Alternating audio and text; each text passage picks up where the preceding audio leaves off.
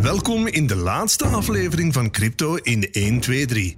Ik ben Peter Hoogland, strateeg en podcastmaker. Mijn crypto-mentor, onze crypto-mentor, is communicatiespecialiste en public speaker Kim Londers. In deze aflevering gaan we op zoek naar antwoorden op fabels en mythes, zoals Bitcoin is een Ponzi-fraude. Er worden beloftes van hoge rendementen gedaan. Bitcoin is een zeepbel. Crypto wordt vooral gebruikt om crimineel geld te versluizen. Bitcoin slurpt energie en is alleen maar nadelig voor mens en milieu.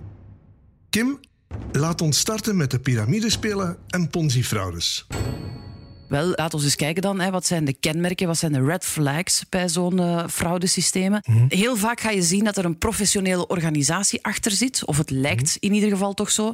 Dat er ingewikkelde strategieën rondgebouwd worden, dat er beloftes worden gemaakt van hoge rendementen en stabiele uitkeringen.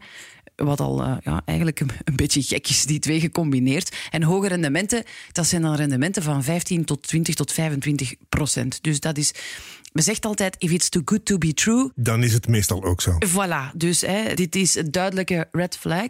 Een laatste is dat er, en dat is dan uh, vooral bij die Ponzi-fraude, dat er terugkerende verzoeken zijn om te blijven investeren. Mm -hmm. En ja, dat zijn typische kenmerken. En dan denk ik dat we gewoon eigenlijk best eens gaan kijken van, zijn dit ook kenmerken die we terugzien bij bitcoin mm -hmm. en bij uitbreiding bij crypto? Een van de kenmerken van een Ponzi-fraude is een organisatie, soms een hele grote organisatie. Maar er, er is geen organisatie. Er is geen bestuur, er is geen gevoel... marketingteam, nee, hebt... er is nee. geen... Satoshi Nakamoto is er zelf gewoon helemaal nee, uitgestapt. Dus er mm-hmm. is geen organisatie. Het is volledig decentraal. Tim, hoe zit dat dan bij de altcoins versus bitcoin? Altcoins zijn meestal gebaseerd op teamleden en founders en mm. een community. Bitcoin is puur gebaseerd op het geloof dat Bitcoin uh, het volgende nieuwe geld zal worden. Lees één grote community, globaal, wereldwijd. Mm -hmm. Dus um, niemand heeft daar zijn eigen belang bij. En okay. daar hebben ze altcoins soms wel. De Bitcoin believers of de Bitcoin maximalisten, die hebben, dat hoor je wel eens, hè, dat die wel wat problemen hebben met mm -hmm. andere projecten, omdat ze zeggen van het is eigenlijk niet volledig decentraal. Ja, voilà. Meestal is het ook zo op die manier. Uh, um, mensen die doorgewinterd zijn, begonnen met Bitcoin, ja, die zien decentraal nog heel anders dan wat, hoe Die zien decentraal echt puur decentraal. Ja, Hoewel, voilà. want, want, ik denk dan van ja, en trouwens, Ethereum is ook zo ontstaan. Hè. Er moet eerst altijd toch ergens een, een, een, een groep mensen zijn die zich erachter zet en het lanceert, om dan op termijn wel naar die decentraliteit te groeien. Maar heel veel Ergens van moet die, er iemand beginnen. Hè? Ja, heel veel van die, van die projecten, om niet te zeggen alle altcoins-projecten, starten eigenlijk toch wel relatief centraal. Hè? In mijn ogen ook wel, ja. Hmm. Bij de mensen gaat het vooral om wat zal het voor mij opbrengen. Eerste red flag als het gaat over piramidespellen of ponzi-fraudes, mm -hmm. die hebben we eigenlijk al teniet gedaan. Want er is gewoon geen organisatie. Ingewikkelde strategieën. Makkelijk lijkt het mij dan in zijn totaal toch nog altijd niet. Het lijkt niet makkelijk, maar het is heerlijk simpel gemaakt. Hè, Peter, in de vorige podcast hebben we dat al eens aangehaald. Mm -hmm. hè. We hebben toen ook gezegd van die uh, dus die groep mensen die voor 2008 al bezig waren met oplossingen te zoeken. Mm -hmm. Die zaten elk op hun, op hun eilandje, bij wijze van spreken. Hè. De ene was met digitale handtekeningen, de andere was met uh, digitaal goud, de andere was uh, met een decentraal netwerk. Nog iemand anders was met een double spending problem. Het feit dat je niet, dat je over het internet, dat je eigenlijk hetzelfde naar één of twee of meerdere mensen kan sturen. En mm -hmm. dat mag natuurlijk niet met Nee, geld. Dus daar geld. moest een oplossing voor gezocht worden. Wat dat dan, die cryptografie heeft daar dan voor gezorgd. En al die aparte zaken, die zijn samengekomen in de blockchain. Hè. Dat is samengekomen in het Bitcoin-project. We hebben toen ook gezegd van, herinner u, in een whitepaper wordt het woord blockchain niet vermeld. Maar worden wel al die zaken samengebracht en spreekt men van... Nee, spreekt men niet van de blockchain, want het wordt er net niet in vermeld. Mhm. Maar uh, dit, dat is eigenlijk wel het ontstaan van de blockchain. Ja. En de blockchain is, is heerlijk simpel. Hè? We hebben uh, een paar voorbeelden gegeven. De, het systeem van de halving is erin gecodeerd. Het systeem van de hashrate die wordt aangepast uh, afhankelijk van het aantal miners die mee minen. Ja, dus, dus het, het is gewoon een heerlijk simpel protocol. De, Tim, had jij er nog iets aan toe te voegen? Het is in mijn ogen een heel complementair systeem. Ja, waar heel diep over nagedacht is, alleszins. Want als de halving er bijvoorbeeld niet zou zijn, dan Ja. zou je een inflatie krijgen. Dan zou de miners eigenlijk een, een voordeel krijgen, omdat ze altijd evenveel bitcoins als reward zouden krijgen, waardoor ze eigenlijk marktvoordeel kunnen creëren. Dat is nu allemaal niet het geval. Dus in dat opzicht is dat allemaal heel goed uitgewerkt. En is in mijn ogen op langere termijn dan, nu op dit moment nog niet. En maar zal dat eerste succesvolle transactiesysteem eh, zijn dat op het internet werkt als die volatiliteit er eh, begint Eruit te gaan. Ja. En nog een tweede ding, hè, die ingewikkelde strategieën. Een superbelangrijk iets van de blockchain is dat het ook eh, heel transparant is. Hè? Ja, uiteraard. Om een voorbeeld te geven, vorige week zagen we Luna crashen. hè. We wisten ook dat ze bepaalde bitcoin-reserves hadden als treasury, zoals wij dat noemen. We konden toen op die moment ook perfect volgen dat ze hun bitcoins volledig, hun 43.000 bitcoins volledig hadden verkocht. En van de hand hadden gedaan of verplaatst hadden over de blockchain. Dus dat zijn allemaal zaken die je. Waardoor, Kunt volgen. Ja, waardoor je ook een eerlijke economie creëert. Omdat je weet van oké, er is iets. Omdat je die wallets kan in de gaten houden. Voilà, Iedereen ziet alles. Hè? Weet je nog dat we het voorbeeld gegeven hebben van verkiezingen? Mhm. Stel dat je verkiezingen zou vastleggen op de blockchain. Je kan perfect zien wie er voor wie gestemd heeft. Enfin, niet dat je dat moet gaan zien, Nee, maar het kan maar wel. het zou- het zou kunnen. Ja. Maar nogmaals, hè, blockchain is pseudoniem, niet Ja. anoniem, maar het is, het is gecodeerd. Dus, ja, oké. ja, maar het is dus heel transparant en heel... eh, Duidelijk. ja, je kunt alles volgen. Volgende die we opgesomd hebben in de kenmerken red flags. Beloftes van hoge rendementen en stabiele uitkeringen. En terugkerende verzoeken om te investeren. Ja, die terugkerende verzoeken om te investeren, die zijn er niet, want je beslist gewoon zelf wat dat je doet. En de beloftes van hoge rendementen en stabiele uitkeringen, ik denk dat we het daarover eens kunnen zijn, dat die er ook niet zijn. Al zijn er soms wel hè, hoge rendementen als we in een bullrun of, of in een bullmarkt zitten, maar ehm, er worden geen beloftes gemaakt. Trouwens, ik denk zelfs het eerste anderhalf jaar waren er geen koersen of werd het ook zelfs niet bijgehouden. Het is pas na anderhalf jaar dat we er een waardebepaling aan gaan geven is aan, aan de bitcoin. Wat ik ook nog eh, graag zou zeggen, Ja. ehm, bitcoin is niet meer dan een systeem van vraag en aanbod. En dat is eigenlijk gebaseerd op de wet van Metcalfe. Ik weet niet of je dat kent. Dat is eigenlijk het gebruikerseffect dat gecreëerd wordt. Hoe meer mensen erbij komen, hoe evenredig de waarde van bitcoin ook zal stijgen. En in sommige periodes, wanneer er interesse ontstaat, lees Ja. instabiele momenten of instabiele economieën, kan dat een interesse creëren bij de mensen om in bitcoin te gaan als zijnde een soort van inflatiehedge. Of Maar het is niet zo eigenlijk dat iemand jou benadert om daarin te investeren. absoluut vandaag. niet. In, in een piramidespel of in een ponzi-vrouw word je inderdaad benaderd. Hè. Eh, dat is absoluut niet zo bij bitcoin. Je kiest zelf. Hè. Maar inderdaad, we zien wel dat die wet van Metcalfe, die zegt hè, hoe meer gebruikers van het netwerk, hoe hoger de waarde zal zijn. En die wet van Metcalfe die is al toegepast op social media bijvoorbeeld. Hè, Facebook. Facebook. En die bleek daar helemaal correct te zijn. Gaat dat voor bitcoin opgaan? We kijken ernaar. We houden het in de gaten. Maar het, het ziet er zo wel naar uit. De volgende is Bitcoin crypto is een bubbel, een zeepbel. Misschien moeten we eens eerst even zeggen van wat is een bubbel? Want als je zegt van eh, bitcoin, crypto is een bubbel, een zeebel, wat is dat dan, een bubbel of een zeebel? Wat verstaan we daaronder? Iets dat zwaar overgewaardeerd is. Ja. We hebben al sinds 2008 dat we geld bijgeprint zien worden. Ehm, en de investeerders op dit moment hebben zo het gevoel van oké, we hebben een correctie en dan gaan we weer verder. 2008 ehm, hadden we de eerste financiële crisis. Daartussen hebben we niet echt een financiële crisis gehad. Dit is terug zo'n moment waar we eigenlijk een grote reset van de markten gaan zien. En dan gaat je ook zien dat technologiemarkten en innovatieve markten zoals Bitcoin heel sterk kunnen dalen, absoluut.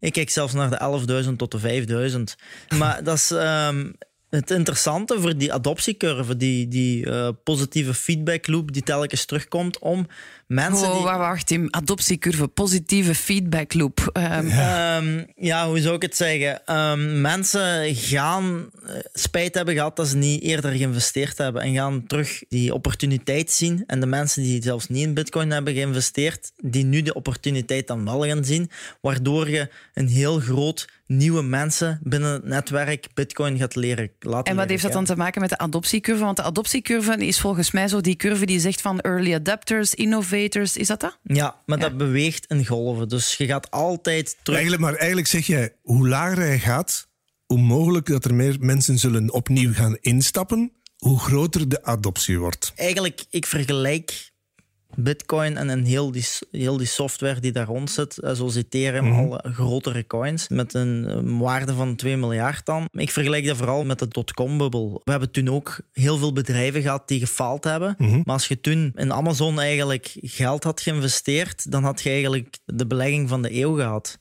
En dit is net Mhm. Amazon, hetzelfde. Google, Facebook. Dit is exact hetzelfde verhaaltje dat terugkomt. En dat is gewoon die maturiteit die nog in de markt moet komen. En het is van die jonge innovatie waar je nu van kunt profiteren. We zijn er allemaal van overtuigd dat het een goed systeem is en dat het toekomst heeft. Alleen Wij- het moet zijn weg zoeken en het moet stabiliseren. wij gaan er niet meer uitgaan, omdat ik mijn overtuiging heb. Dus vooral de nieuwe mensen die het moeten leren kennen. Dat is belangrijk. Bitcoin is volgens mij absoluut geen bubbel of geen zeebel. Hè. Wat dat we zien is wel een grote volatiliteit. Nogmaals, de hoge pieken, de lage dalen. Eh, maar ik denk dat dat gewoon bij de prijsontwikkeling hoort van, van zoiets nieuws. Hè. Nogmaals, Bitcoin bestaat 13 jaar. Het is, het is eigenlijk bij wijze van spreken nog een kind.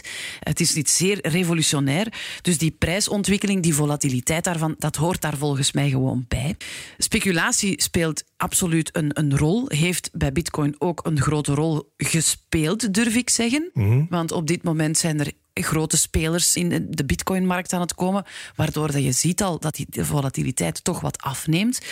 Maar wat dat je wel ziet, is bij andere projecten, crypto-projecten, die worden gebouwd, nieuwe projecten zoals DeFi of, of NFT.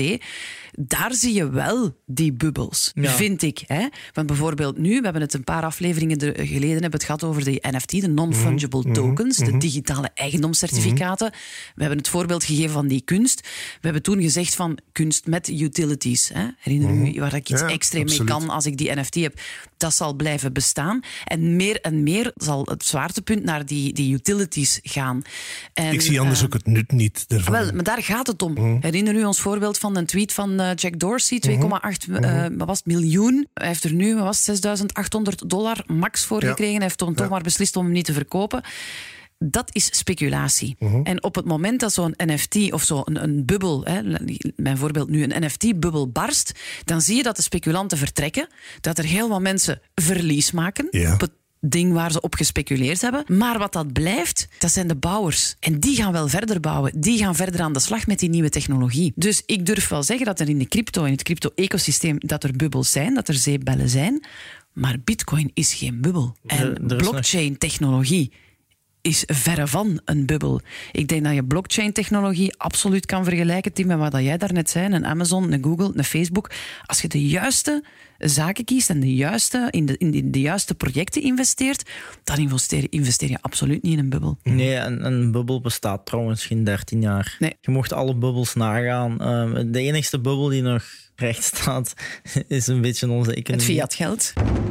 Andere mythe of fabel, bitcoin heeft geen intrinsieke waarde. Intrinsieke waarde volgens Dr. Google, want de Vandalen die is oud en grijs en die staat in de kast. Intrinsieke waarde is de werkelijke waarde. En dan staat daar zo mooi geschreven, voortspruitend uit het innerlijke wezen tot het wezen behorend. En dan iets wat op zichzelf waardevol is en niet wordt gebruikt om een ander doel te bereiken. En dan denk ik, hmm, ander doel. En dan ben ik eens gaan kijken van, oké, wat zijn zo nog zaken waarin dat je kan investeren en zaken waarvan we ons dan de vraag stellen van, hebben die intrinsieke waarde?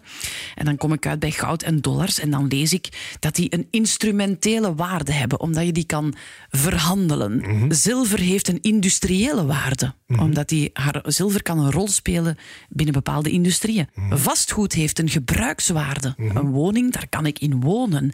Dus er zijn verschillende waardes waar je over kan spreken. Maar de vraag is nu natuurlijk, ja, heeft bitcoin een intrinsieke waarde? Wat is de werkelijke waarde van bitcoin?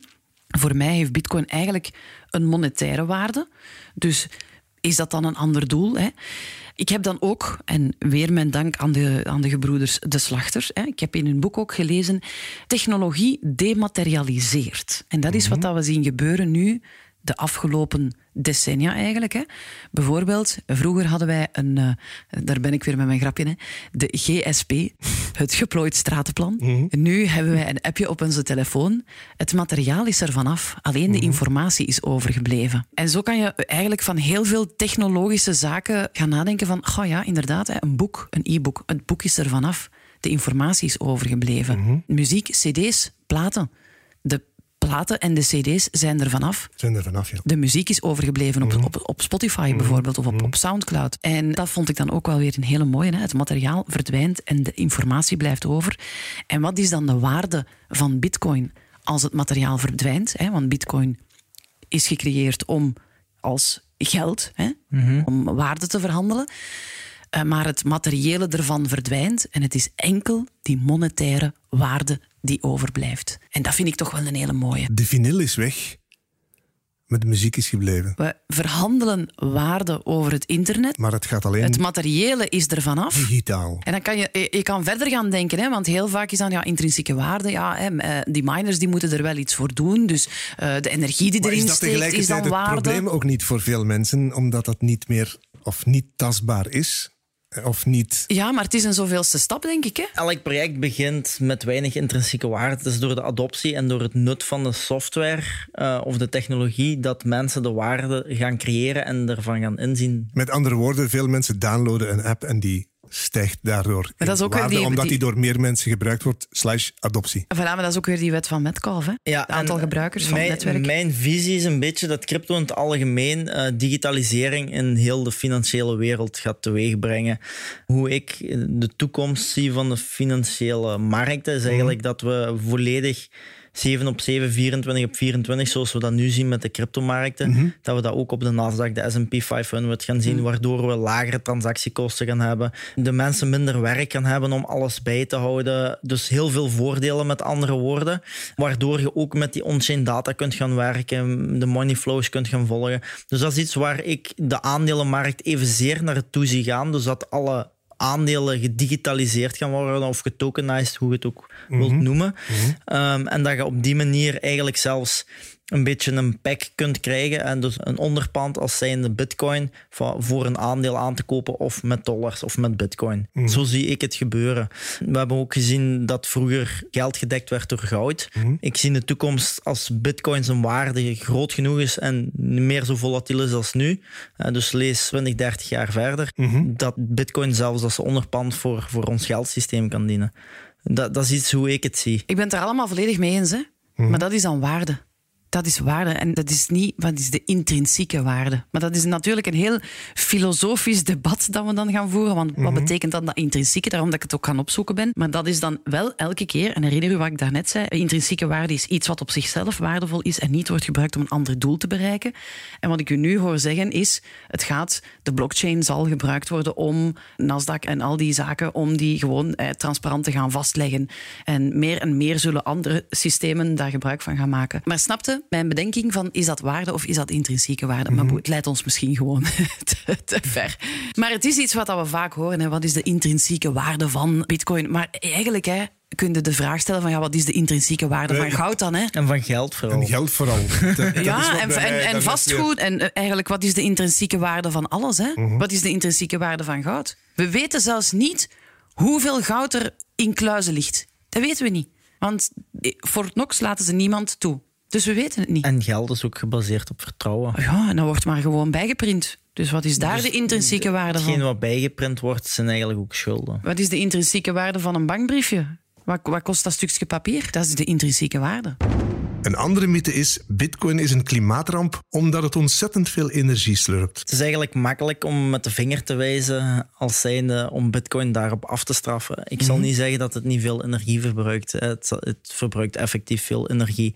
Maar voor miners is het ten eerste al veel interessanter om hernieuwbare energie te gaan gebruiken. Zij willen ook winstgevend blijven.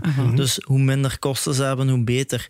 En het is ook gebleken dat zo'n 74% van de miningsector met hernieuwbare energie werkt. En het interessante is dat eh 66% van de wereldwijde hernieuwbare energie in de wereld verloren gaat. Dus dat ze dat niet herbruiken. Mhm. Ik denk zelfs dat de miningsector binnen het Bitcoin-ecosysteem en, en andere miningsectoren van andere coins eigenlijk een soort van playbook kunnen vormen voor andere bedrijven hoe ze hernieuwbare energie kunnen gaan benutten. Zeg je nu dat het een experimenteel veld is geworden waar anderen kunnen van leren? Sowieso. Er is veel aan het gebeuren. Ik was gisteren op een presentatie van de heren van uh, Hoddle.nl en uh, sprak ik met de CEO, met Maurice. Nederlands bedrijf. Hij had het ook even over die energie en hij zei van, inderdaad, er is heel veel hernieuwbare groene energie, maar er is eigenlijk een groot probleem met het net.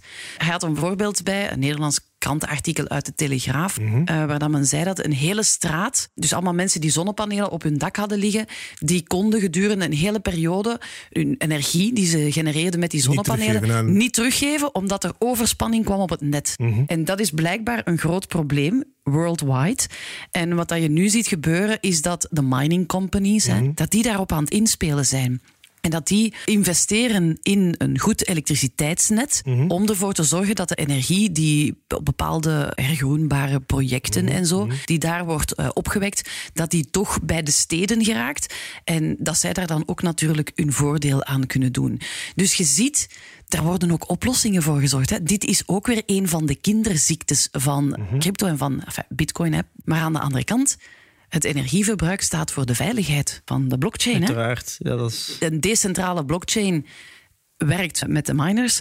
Die miners die hebben veel energie nodig, maar die bedrijven die gaan op zoek naar goedkope energie. Die gaan hun dan ook ergens lokaliseren waar er veel groene of hernieuwbare energie is, zoals dat Tim daarnet al zei. De meeste zitten dan in Canada, um, Ja, Alaska, Canada, IJsland zitten er ook veel, dacht ik. In Texas dacht ik Ja, ook. nu hè. ook meer en meer. Het is groen aan het worden, het is herbruikbaar aan het worden. Uh, ze dragen bij aan het Dus probleem. eigenlijk zeg je ook niet afrekenen weer op de opstartfase. Want Tuurlijk, ja. Dit is, een, dit is ook weer een, een, een kinderziekte, denk ik. Bijvoorbeeld Tesla, Blockstream en Block. Eh, Block, eh, de founder daarvan, is de ex-CEO eh, van Twitter geweest, Jack Dorsey. Ze zijn allemaal heel grote Bitcoin-believers. Die hebben nu ook een open source Bitcoin mining hub opgestart of project. Slash bedrijf om Bitcoin te gaan minen. Waar Tesla ja, energie gaat voorzien voor Bitcoin te minen. En zij gaan de rest van het Blockstream dan en Block gaan de rest van de infrastructuur van, die, van dat bedrijf voorzien. Dus als zo'n grote partijen gaan de- deelnemen om het netwerk te gaan valideren, want dat is het uiteindelijk, ja, dan, dan begin ik me toch vragen te stellen waarom eh, ze zo hard op die eh, ja, zaken ingaan. Als, als je weet dat er heel veel oplossingen aan het komen zijn. Er is wel degelijk een probleem. Hè. Je zei het net al, er wordt heel veel energie verbruikt. Maar het ecosysteem zoekt oplossingen.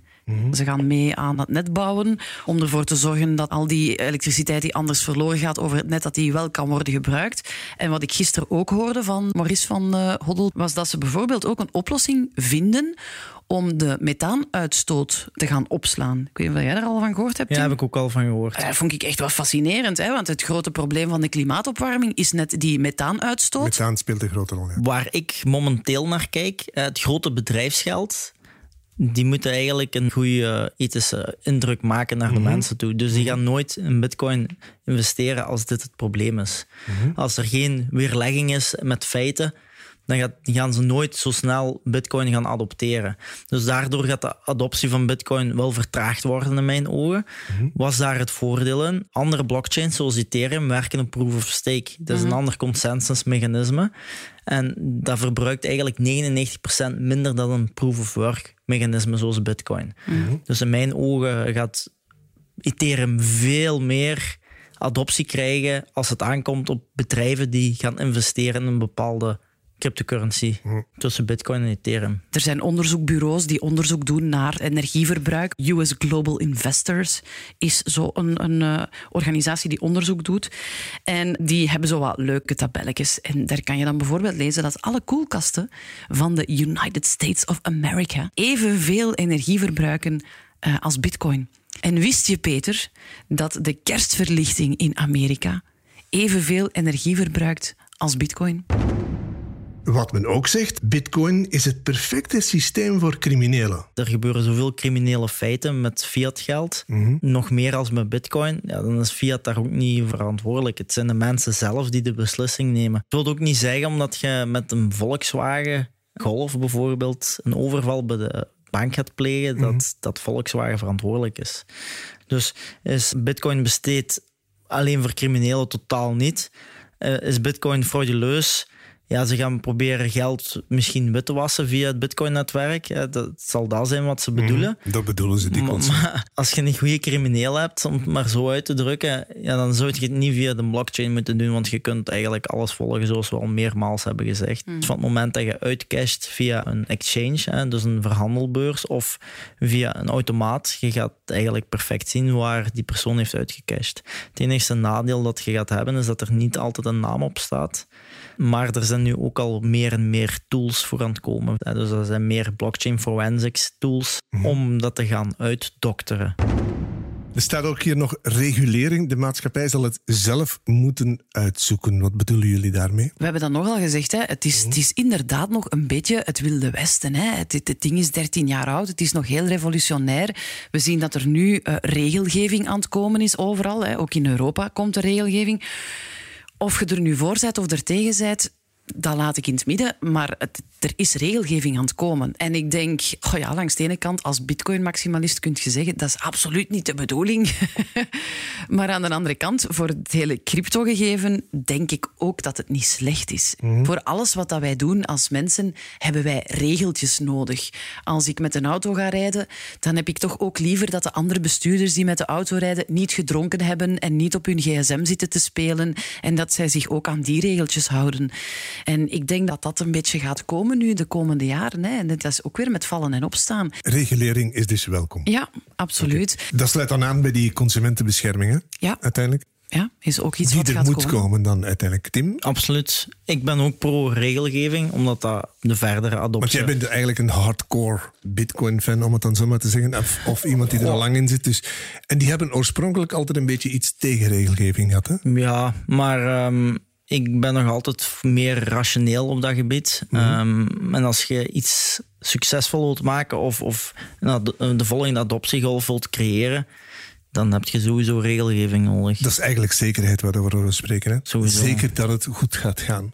Met andere woorden, dat je weet waaraan toe en dat je indien dat iemand jou bedriegt, dat daar een, ja, zeg maar, straf op staat en dat soort van dingen. Goh, kijk Peter, uh, als we willen dat mensen dit gegeven gaan vertrouwen, dan zal er meer regulering nodig zijn op termijn, zodanig dat mensen ook mhm. weten van het is veilig.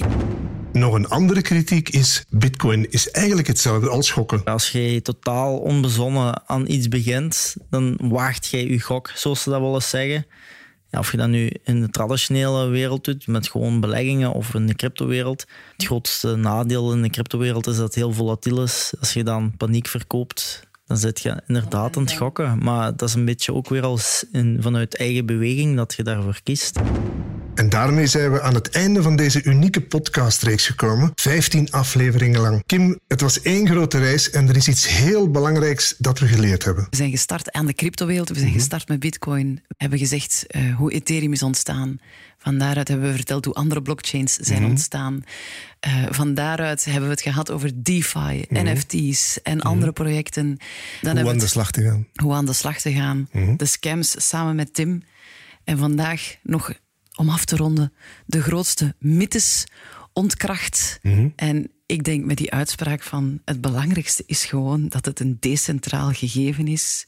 Ik denk dat dat zo op een hele mooie manier alles samenvat. Ik vergeet nog te zeggen dat we een aflevering hebben gemaakt over het huidige monetaire stelsel. Juist. Dus om hem helemaal binnen te koppen, ik denk het decentrale gegeven en het blockchain gegeven, de technologie er rond, dat, uh, ja, dat we hem daarmee kunnen afronden. Dan gaan we hem afronden, hè? Ja, dit is iets dat niet meer verdwijnt. En ik kijk naar Tim. Tim? Inderdaad, decentralisatie gaat in mijn ogen meer eerlijkheid creëren binnen onze economie. Bij deze dan, dit was de laatste aflevering van Crypto in 1, 2, 3. Ik ben Peter Hoogland. Graag tot de volgende podcast. Dank voor het luisteren.